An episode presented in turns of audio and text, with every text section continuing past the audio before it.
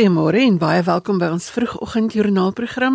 Ek is Liselde Brein en dis my voorreg om te gesels oor die rol wat geloof in mense se lewens speel en om te hoor hoe dit die samelewing se ratte laat draai. Die program is Sondagjoernaal en ons kuier soos gewoonlik tussen 7uur en 8uur saam met jou. My gaste vanoggend is Dr Pieter van der Walt en sy broer Dr Etienne van der Walt en ons gesels so van twee kante af oor die orde van dinge en ook die verhouding tussen geloof en wetenskap. Sjoe van die kerk gesels met ons oor sy ervaring nadat hy sy dogter aan die dood afgestaan het. Ons het verlede week met sy vrou Adri gesels en Stefan Walters vertel van hulle werk in die Andes berge. Ons loer ook in by Dr Ansa van Geest oor haar ervaring tydens COVID tyd. Alles wat vandag in ons program gebeur, se inligting is op RSG se webwerf by rsg.co.za en is ook waar jy wêreldwyd na ons kan luister. 'n Ander opsie is die DStv se audiokanaal 813. Gesels gerus saam op ons Facebookblad by Sondagjoernaal of per SMS by 45889 en dit gaan jou R1.50 per SMS kos. Dankie dat jy ingeskakel is vanoggend terwyl ons gesels oor gemeentes, mense en situasies waar geloof belangrik is. MUZIEK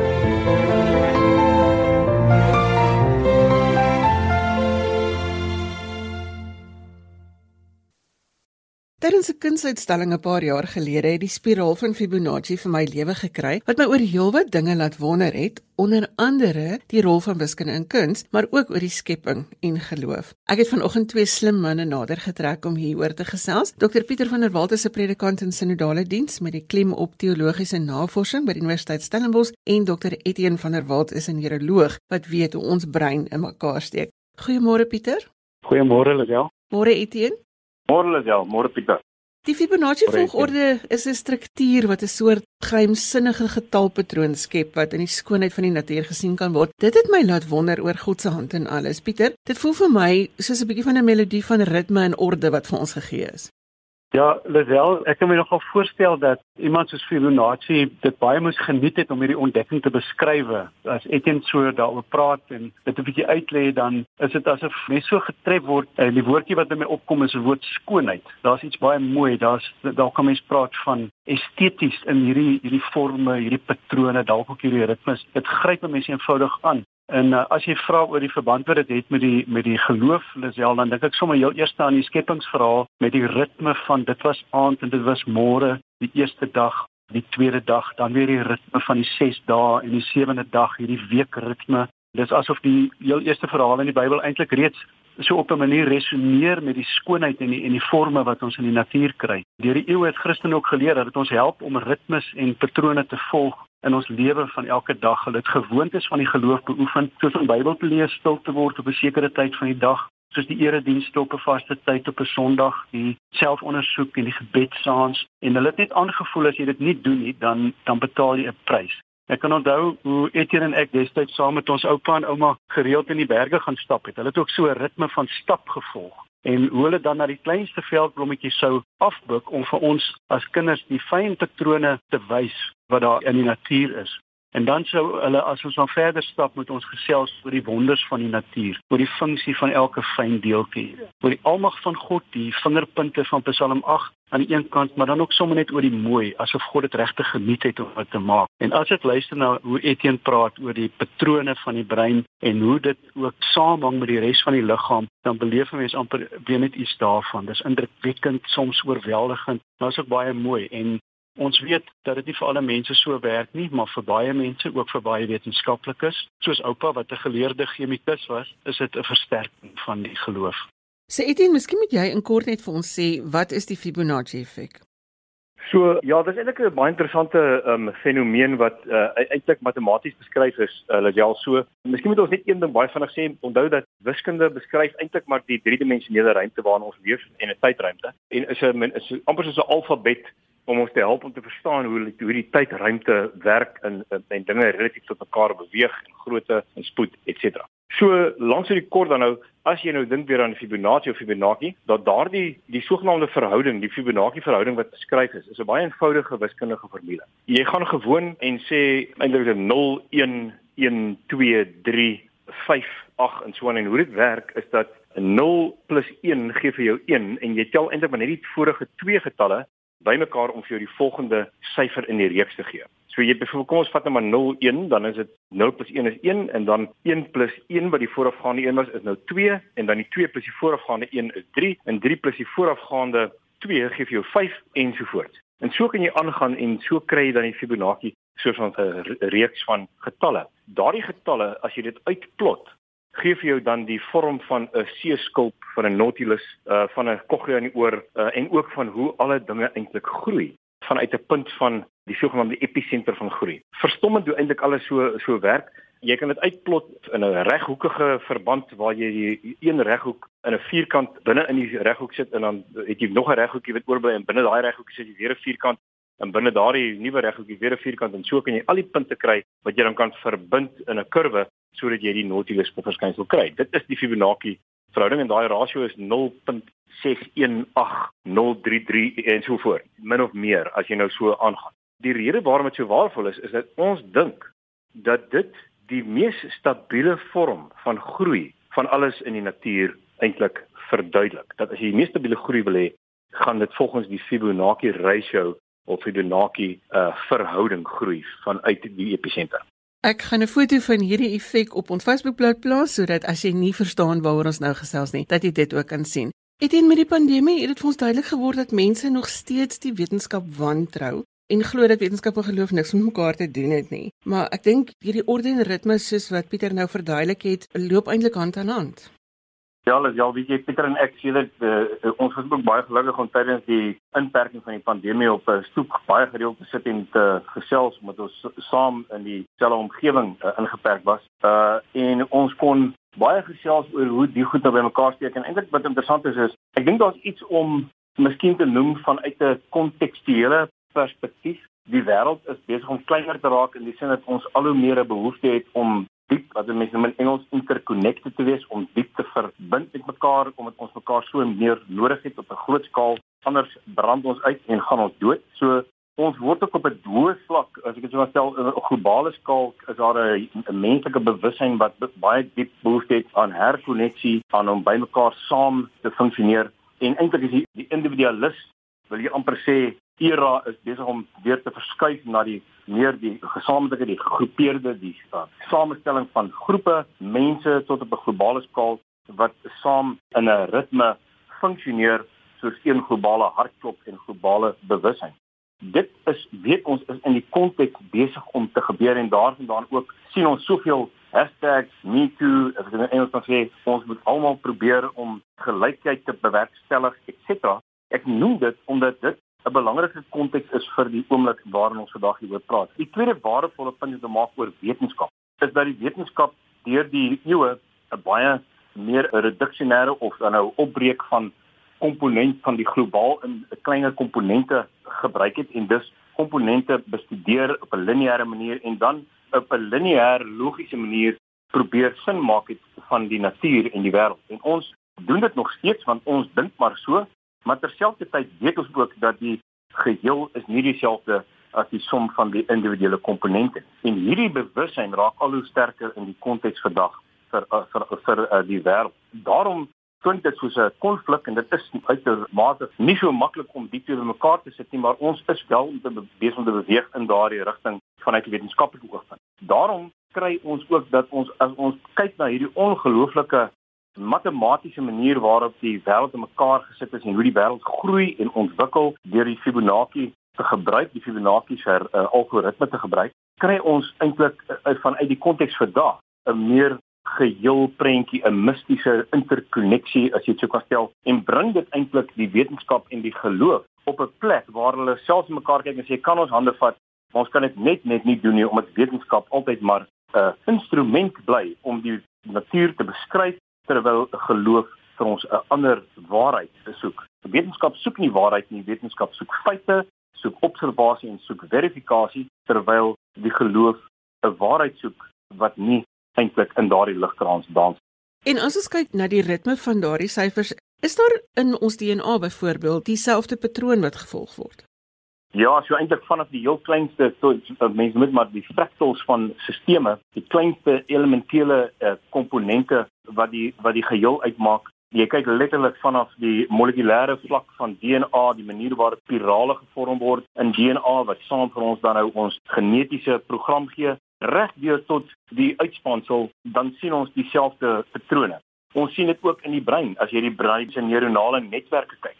En jy kyk selfs binne in die breinselle in en jy sien hoe die klein sogenaamde mikrotubules mekaar um, ver, verbind is. Ons kyk na na die natuur andersins wat ons rondom ons kan sien, nê, nee, hoe hoe bome groei met die wortelstelsel. Enigiets wat groei vanaf 'n punt en uitgroei, het volg hierdie patroon, lyk dit. Blomme ensovoorts. So hierdie ritme die Fibonacci wat bekend staan as die goue the golden ratio soos hulle in Engels sê, dis die dis werklik waar die goue algoritme wat ons gebruik om uit te kom om te verstaan hoe hierdie spiraalgroei plaasvind. Ons sien dit ook natuurlik in uh, jy kan jy kan sien as skulpe, seeskulpe. Ons kan dit sien in denne bolle. Ons kan dit en en ek weet die sonneblomme en blomme genoem. Wonderlike manier waarop al hierdie goed uitmekaar uit spiraal, maar nog steeds en ek sê uitmekaar uit, dit blyk uitmekaar te wees uiteindelik, maar alles is nog steeds verbind deur hierdie goue formule. Pieter, nou julle twee staan aan twee kante van die spektrum geloof en wetenskap. Vat dit vir ons saam, want ek dink geloof moet die laaste woord hê. Ja, ja, mens hoor dikwels stemme wat daarop neerkom dat die geloof teenoor die wetenskap staan. Dis asof hierdie stemme sê ons kan die wetenskap nie vertrou nie want dit is dis net menslik en die geloof troef eintlik die wetenskap. In my gesprekke met Etienne wanneer hy die hoed van die wetenskap opsit en ek die hoed van die teologie beleef ek eintlik die teendeel want ons kyk nie na twee werklikhede nie. Al is dit verskillende lense, kyk ons na dieselfde werklikheid. Die wetenskap help ons om die ritmes, die patrone in die skepping beter te sien en die teologie om sin te maak daarvan. Dis nie asof wanneer ek en Etienne byvoorbeeld op die stoep sit en dan praat as mense met mekaar vanuit ons verskillende velde asof een van ons sonder die geloof kyk en die ander een met die geloof nie. In ons geval kyk ons albei as gelowiges is en in die gesprek verryk ons mekaar se perspektiewe en verwonder ons ons eintlik net meer oor oor God se skepping. So dis nie asof die wetenskap uiteindelik nie ook dat daar nie ook misterie is vir die wetenskaplike nie die Fibonacci verskynsel is so mooi, maar hoekom is dit daar? Alles lyk so pragtig in ritme in die natuur, maar hoekom is daar ook soveel chaos en lyding? Jy weet daardie vraag kom in ook vir die wetenskaplike gelowige. Die Bybel begin met pragtige harmonie, eindig met die harmonie, maar tussenin is daar die ontwrigting, ja, daar's siekte. Daar's die wreedheid van die kruis en en ons verstaan dit nie alles finaal nie. So wetenskaplike en teoloog help mekaar, vul mekaar aan, maar staan nie teenoor mekaar nie. As die neurowetenskaplike vir my bewys, dis goed vir my om te slaap vol volgens 'n vaste ritme. Dan skakel ek dit in by my geloofsritmes. Dan sê ek nie ek maak maar soos ek wil, ek glo maar net die Here sal my help nie. 'n Melodie van ritme en orde wat vir ons gegee is. Dr Pieter van der Walt is predikant in Synodale Diens met die klem op teologiese navorsing by die Universiteit van Stellenbosch en Dr Etienne van der Walt, sy broer, is 'n neuroloog wat vir ons gesê het hoe die brein en al hierdie ritmes in mekaar steek. Baie dankie dat ek vanoggend by julle kon inloer om 'n bietjie perspektief te kry. Dankie Pieter. Dankie Lisel. Dankie Etienne. En dankie Lisel en Pieter, baie dankie. Lekker om julle te kuier. Goeiemôre aan jou as jy nou net wakker geword het. Jy luister na Sondagjoernaal hier op RSG saam met my, Lisel de Bruin. As jy dalk nou wonder oor die Fibonacci skryfkode waarvan ons nou net gepraat het, kan jy op ons Facebookblad gaan kyk. Ek het 'n paar foto's daar gaan laai. Dankie dat jy saam luister. Ons bring vir jou verhale van hoop en dankbaarheid. MUZIEK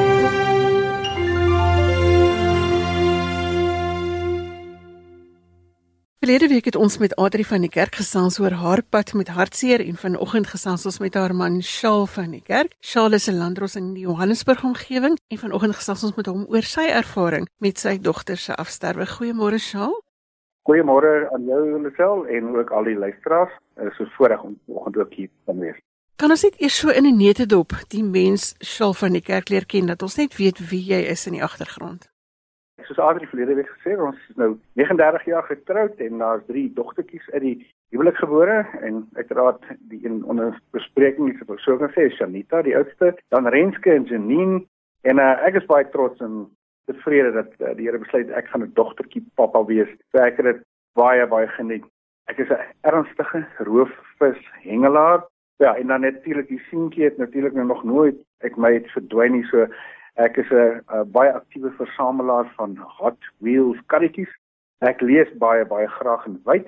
Ek het ook 'n besondere passie vir my medmense en dan uiteraard veral vir tieners en dan 'n hoogtepunt in my lewe is om net beskou te word as pret oupa vir vir die klein kinders. So dis maar 'n breë trekker. Ek dink jy het nou 'n hele paar manne laat regop sit met die roof visvang en met die Hot Wheel karretjies. Ek kan sommer sien hoe sit hulle regop. Verlede week het Adri vertel van jou dogter wat tydens haar rekord eksamen na eie lewe geneem het. Maar vanoggend wil ek by jou stil staan en hoor wat was jou as pa se ervaring in daai tyd?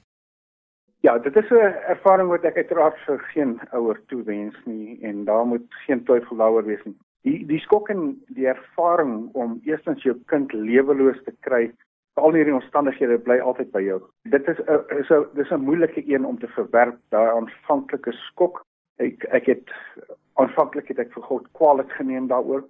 Ek het later het ek eenvoudig myself net onttrek van Adri en die ander dogters in 'n in 'n poging om om my pyn te verwerk en dit was nie op die regte manier gewees nie en ek ek het ek erken dit sonder meer. Ek het ek het byvoorbeeld sommer 'n prentjie gemaak vir myself eintlik soos 'n klein rolprent van die oomblik wat ek haar lewelose liggaam afgesny het en tot en met met haar begrafnis ook die tye wat ek net na haar gesiggie gaan soek het in die lijkhuis om te sien hoe sy lyk. En ek het ek het daai ding vir my uh, in 'n pakkie bymekaar gemaak en jaloers daaroor gewaak en kort kort het ek dan soos 'n soos 'n seer of 'n eina het ek 'n bietjie pleister afgetrek en daai toegelaat om my te oorweldig. Ek het uh, spoedig by dit aard my begin self aankla. En ander ek was nie, ek was eenvoudig nie die pa van die huis nie. Ek was nie ek was nie goed genoeg nie.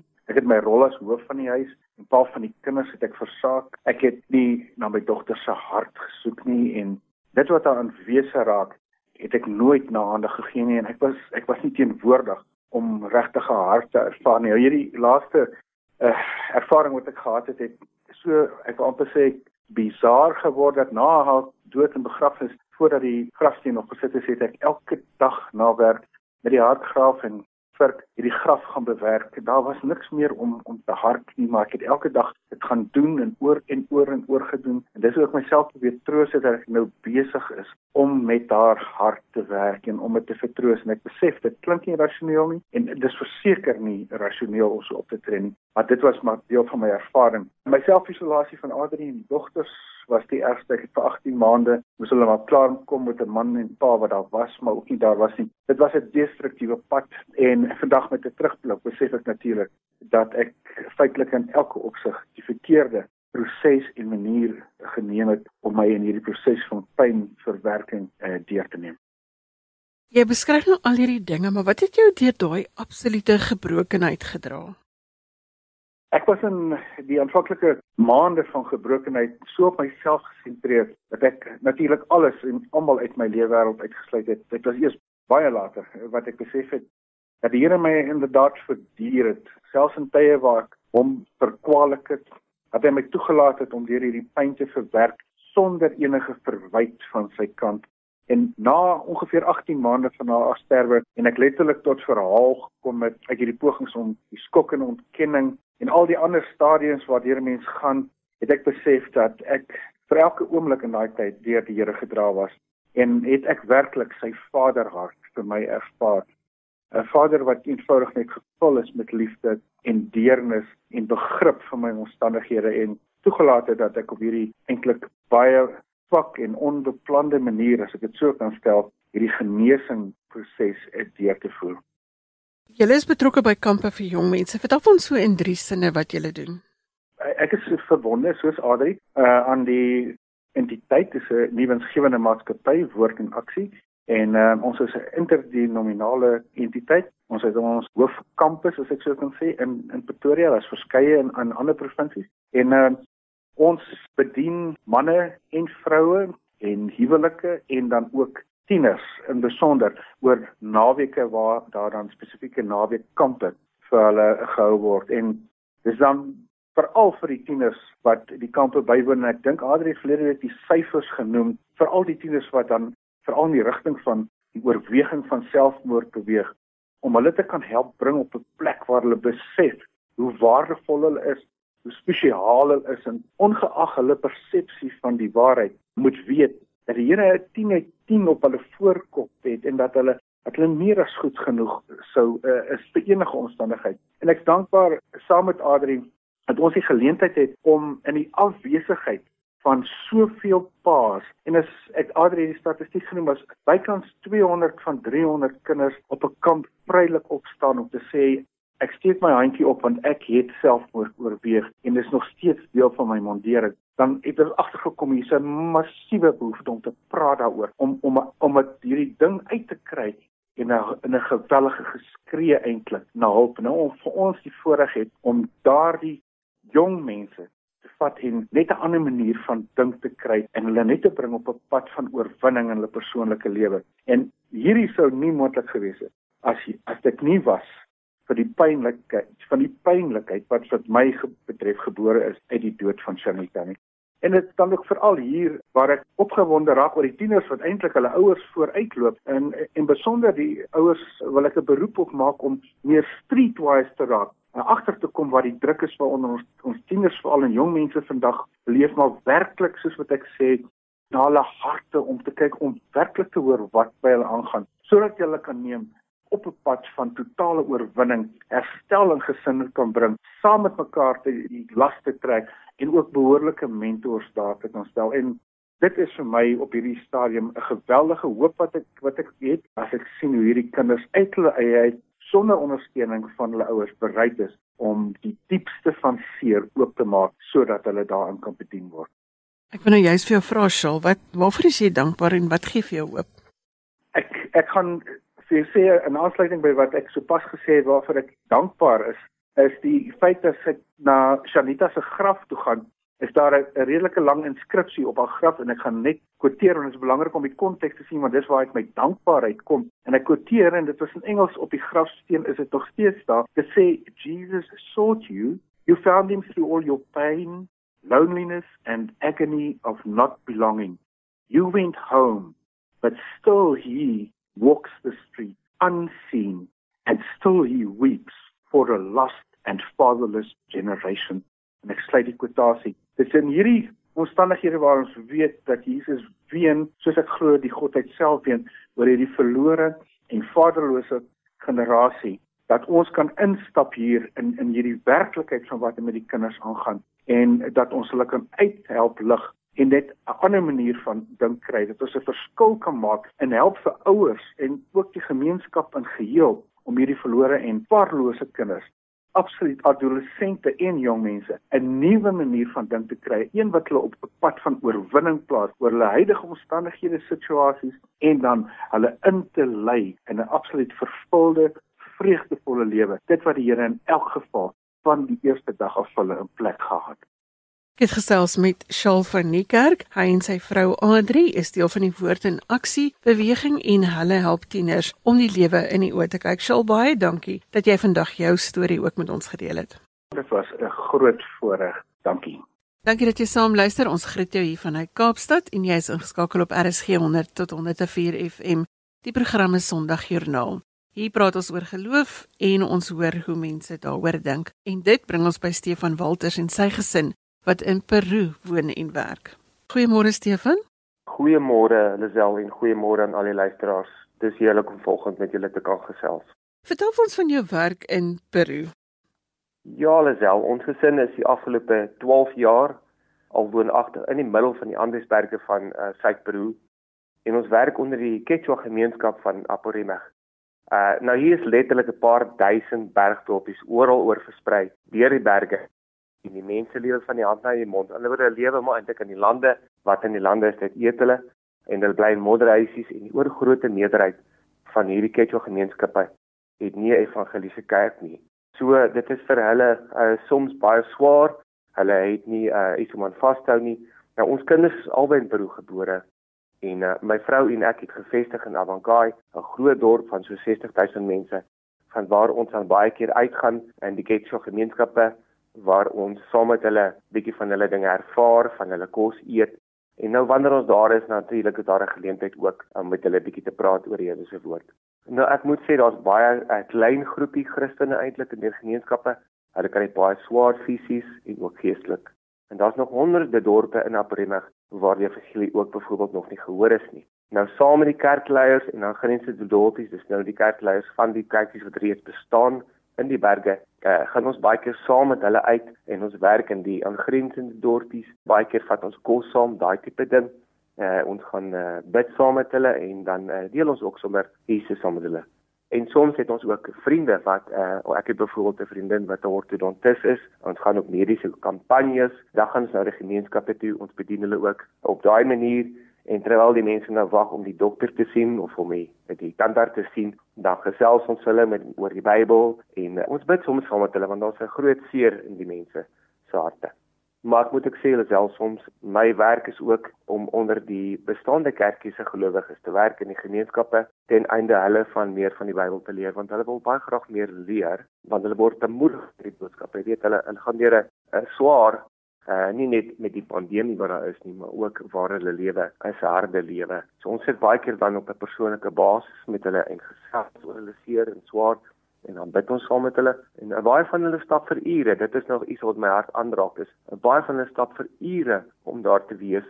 En nou eet ons gewoonlik saam, het 'n jy het 'n heerlike Andiese sop wat jy geniet vanmiddag eet die soppe in in in die Andiese berge. Dis regtig heerlik. En dan na ete dan gaan die byeenkoms aan voort. Die gelowiges sing saam en ons aanbid die Here. Maar elke dag is anders. Ek moet dit nou regtig sê dat die werk is elke dag uh, uniek, elke dorp is uniek en dit is 'n uitdaging om by sommige gemeenskappe uit te kom want sommige dorpies is tot 4000 meter bo seespieël en die bergpaaie is baie gevaarlik veral in in reënseisoen.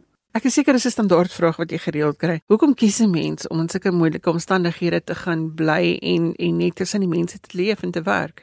Ja, ek het nogal daai vraag uh, dikwels gehoor, Lisel. Ek moet nou eintlik net sê, weet, die antwoord is eintlik uh, ek dink die Here het gekies en ons het maar gehoorsaam. Dis 'n vraag wat ek gehoor het is nou hoekom wil jy nou daar gaan wees? Ek het 'n interessante storie en dit is toe ek 10 jaar oud was, 'n seun van 10 jaar oud, het ek my ma gevra om vir my 'n klein Spaanse fraseboekie te koop. Nou ek het nie geweet hoekom ek dit wou hê nie want natuurlik mense in Suid-Afrika praat nie eintlik Spaans nie, hulle leer nie Spaans in die skole nie, maar daar was al 'n saadjie wat die Here in my hart geplant het. Ek wou graag gehoor het hoe is die Spaanse taal? En toe die Here my en my vrou geroep het en gesê ja, ons kan gaan werk onder die gemeenskappe. Uh, toe was ek oortuig dit moet 'n Spaanssprekende land wees en uh, ons wou ook nie vir die Here sê voorskrif uh, waar ons moet wees in Suid-Amerika nie. Maar al wat ek kan sê is die Here het deure oopgemaak en toegemaak en die Quechua gemeenskap het ons harte aangeraak in die Andes. Hulle is pragtige mense. So dit is eintlik vir my ook 'n onnodige vraag. Ek kan hoor dat jy 'n sterk gelowige is, maar watter rol speel geloof in jou lewe en dan nou uiteraard in jou motivering om te doen wat jy doen? Die eerlike waarheid is sonder geloof in God sou ons nie kan doen wat ons doen nie, want dit is ons motivering. Ek dink nie enigiemand besluit net oornag hy gaan weg uit 'n bekende omgewing met sy met sy kultuur en sy bekende taal om te gaan vestig so ver uh, in 'n omgewing waar mense 'n vreemde kultuur het of ander taal praat nie as God nie jou hoop en jou anker is nie. So die feit vir ons dat God se brein is en dat hy elke dag langs ons stap, maak nie saak waar ons is en wat ons doen nie. Dit motiveer ons om aan te gaan omdat ons weet dat God ons nooit sal verlaat nie en omdat hy sy sy beloftes getrou is. Uh, nou ons het gesien ek kan regtig sê in 12 jaar hoe God op so baie maniere voorsien het en hoe hy langs ons gestap het. Ek kan sê sonder daardie sekerheid, sonder daardie geloof in wie God is en dat hy getrou is, sal mens nie oorleef nie. So ja, om jou vraag te antwoord, ek dink dit is uiters belangrik om te weet God is met jou. En vir my is dit so mooi gesegd om te sê geloof is rykdom vir oomblikke wat jy arm is in antwoorde, want dis wat jou deurdra. Jy het gesê jou twee kinders is in Peru gebore. Wat doen die groter gesin? Hoe is hulle besig saam met jou? Ja, ja, ons kindertjies uit die aard van die saak is is in Peru gebore soos jy sê. Natuurlik hulle is drietalig Afrikaans, Engels en Spaans. Hulle skool is ook uh, in Spaans. So Corna my vrou het natuurlik die rol as ma. Uh, dis 'n dis 'n groot rol soos almal weet, maar sy is ook dikwels 'n uh, onderwyseres want terwyl die kinders 'n normale skool het, vul Corneil ook maar aan met ekstra vakke soos wiskunde en Engels wat nie so sterk is in Peru natuurlik nie. Hulle praat bitter bitter min Engels. En dan boonbehalwe vir hierdie rolle moet sy ook huishou en dit is maar 'n uitdaging in 'n vreemde kultuur waar dinge maar anders gedoen word. Byvoorbeeld net om te gaan uh, vrugte en groente koop is nie altyd so maklik nie. Jy gaan na 'n informele mark toe. Die kos uit die aard van die saak is soms vreemd of iets iets wat jy wil uh, koop, jy weet nie wat die naam van die produk is nie kwessie met publieke vervoer. So daar's baie ander dinge en ons lewe elke dag tussen die Quechua mense en daar's baie geleenthede ook om die evangelie met hulle te deel. Ons gesels sommer lekker met hulle want ons stel belang in hulle. Ons is lief vir hulle nou by die skool, by die markte, weet jy, het hy al daai funksies. So Cornelis baie betrokke op daai manier, maar dan is hy ook betrokke in die plaaslike gemeentetjie waar sy Sondag dan vir die klein kindertjies van 3 tot 11 jaar oud Sondagskool gee En sy en my dogtertjie is ook betrokke by 'n radioprogram wat op 'n weeklikse basis uitgesaai word vir kindertjies en dis deel van die plaaslike kerkie se inisiatief om Bybellessies ook deur 'n radio te deel vir families wat in die berge bly. Ja, so ek moet ook sê gedurende die pandemie natuurlik was daar baie minder mense in die strate gewees soos dit maar was oor die wêreld. So die radio inisiatief het goed gewerk om dan ook ander mense te bereik. Ons staan altyd verwonderd om te weet waar die radio altyd 'n verskil maak. Waarvoor is jy dankbaar en wat gee vir jou hoop? Ek is dankbaar dat die Here mense liefhet. Ek is dankbaar dat maak nie saak waar in die wêreld hulle bly nie, dat die Here hulle ewe liefhet en dat hulle harte so aandraak dat hulle bereid is om vir ure in die reën oor die berge te stap om hier by einkomste by te woon. En ek is ook dankbaar alself dat die Here se woord uitgaan ook in hierdie omgewing waar dit nie altyd maklik is om by mense uit te kom nie as gevolg van die geografiese onbereikbaarheid.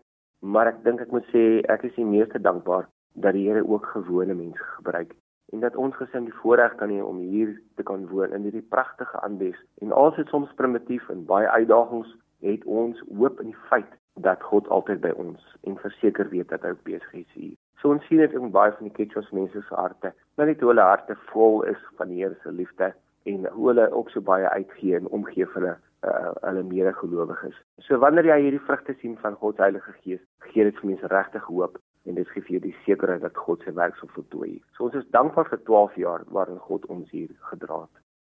En so gesels Stefan Walters, ons het gesels oor sy en sy gesin se woon en werk die afgelope 12 jaar in Peru. Stefan, baie dankie dat ons 'n stukkie van julle lewe wêreld kon deel vanoggend. Baie dankie Lisel. Dit was heerlik om saam met julle te kuier.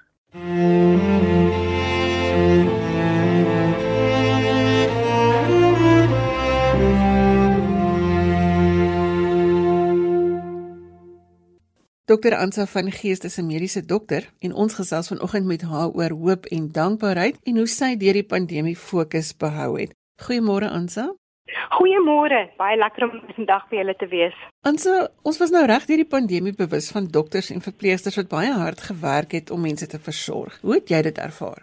Ja, dit was 'n moeilike tyd. Ons het op 'n stadium baie hard gewerk. Ons het deur baie emosies gegaan, baie pasiënte verloor, geliefdes gesien wat mense verloor het en eintlik ook die effek ervaar van mense wat angstigheid, baie wat eensaam was.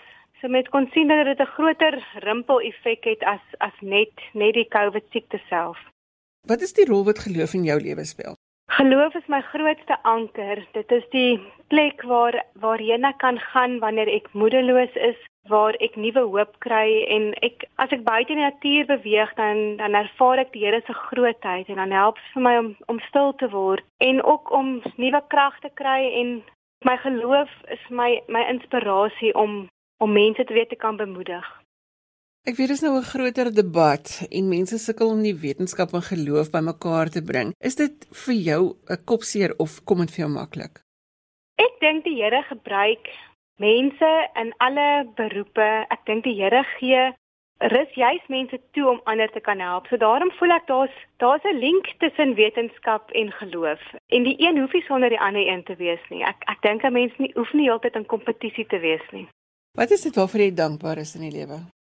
Ek is dankbaar vir die basiese dinge. Ek is dankbaar om elke dag te kan opstaan, om my brood met vreugde te kan eet, vir mense wat omgee, mense wat aan jou raak, dat ons elke dag nuwe kansse kry en dat ons eintlik net een dag op 'n slag hoef te vat. Ek is dankbaar vir geleenthede rondom my en dat ons vrede wat vir ons in 'n mooi natuur gee om om net vir ons te wys dat hy regtig sorg. Ek weet tydens die pandemie het ek baie geskryf net om van al hierdie gevoelens ontslae te raak. Jy hou ook 'n blog. Het dit vir jou gehelp in hierdie tyd? My blog is vir my soos 'n soos 'n uitlaatklep. Ek dink dit het al hoe sterker geword met COVID omdat ek met soveel stories en mense op my pad kry en dit is wat my eintlik dankbaar maak. Ek glo in stories en stories leer vir ons om na anders anders na mense te kyk en wanneer ek jou storie hoor dan kyk ek anders na jou en ek en ek hoef nie alles goed te keer nie, maar ek kan verstaan waar jy vandaan kom. En ek, ek skryf oor goeters wat op my pad kom, dit wat ek wat my hart raak. Dit kos is dit my kinders, soms is dit pasiënte, soms is dit iets wat gebeur. Dit kan iets kleins wees, soms is dit 'n tak wat in die pad val en en iemand wat verbystap en dit optel en, en dat ek dink maar niemand het gevra daai persoon moet dit optel nie. En dit is goedjies wat vir my laat anders kyk na die lewe en dan is dit lekker om te skryf en en as ek skryf dan voel dit vir my die Here vir my eintlik 'n storie vertel wat hy eintlik vir my wil sê daardeur. Ons leer altyd by mekaar as ons so ons eie gevoelens op papier sit. Mense sukkel deesdae met hoop. Ons probeer almal die sonlig aan die ander kant sien. Mm -hmm. Nie almal kry dit ewe vinnig reg nie. Wat gee vir jou hoop? Soms is dit die kleinste dingetjies, dit is die klein omgee. Ek dink soms soek ons groot verskille, groot antwoorde en die antwoorde lê soms reg onder ons neuse. Toe ons COVID gehad het, het mense vir ons kos gebring en een van die kospakkies het 'n pakkie whispers ingehaat en ek het later gedink, "Wow, whispers op 'n Woensdag aand. Dis abnormaal. Dis abnormale tye, maar dit het op 'n manier iets kosbaars gebring. Dis die klein aanrakings, die die drukkie hier, die liefde hier en Ek kry natuurlik hoop wanneer ek die woord lees. Wanneer ek sien hoe die Here sê hy maak die storm stil. Ek ek het besef in in COVID is dit asof ons ons is almal in dieselfde storm, ons bote verskil. Ons is in verskillende bootjies, maar ek het hoop gekry met die feit dat ek weet dat die Here by ons is en dat die, die Here ook by ons is in hierdie tyd en dat ons gemaak is juis om nou 'n verskil te maak. Ek dink dit is die een ding wat ons dalk wel vir kan vir luisteraars aanbeveel is om te doen is om doen iets anders wat jy gewoonlik doen. Soos whispers op 'n Woensdag aan. Kom ons daag daar uit om ietsie te doen wat anders is, om so 'n bietjie jou rotine te verander, ry 'n ander pad, maak 'n ander boek oop, stap by 'n ander deur in, doen net ietsie anders en kyk of dit iets vir jou verander. Ansa, as ons nou hierdie week ingaan, wat is jou boodskap van hoop om ons te inspireer vir die week wat voorlê? Geloof het soms niks met sien te doen nie, maar hoe ons aan die lewe kyk, maak agter of ons dinge raak sien of nie. En die die hoop lê in die basiese dinge rondom ons. Eet jou brood met vreugde. Ek dink dis waar dit begin. En one day at a time. En tel 'n klippie op van hoop en gooi dit in iemand anders se dam. Jy weet nooit waar jou rimpel tref nie. Dr. Ansel van Geest is 'n mediese dokter. Ons het vanoggend gesels oor haar klippies van hoop wat sy optel wanneer sy so deur die lewe stap en oor dankbaarheid. Ansel, baie dankie dat jy vanoggend saam met ons tyd spandeer het. Baie dankie, dis 'n heerlike voorreg en ek glo dat ons mekaar net beter kan inspireer. Dit is ons stories vir vanoggend. Ek sê dankie aan my gaste, Dr Pieter van der Walt en sy broer Dr Etienne van der Walt, Shaal van die Kerk, Stefan Walters en Dr Ansa van Geest. Almal se kontakbesonderhede is op RSG se webwerf en Sondagjoernaal se Facebookblad. RSG se webwerf is rsg.co.za. Sondagjoernaal is ook daar as 'n potgooi beskikbaar.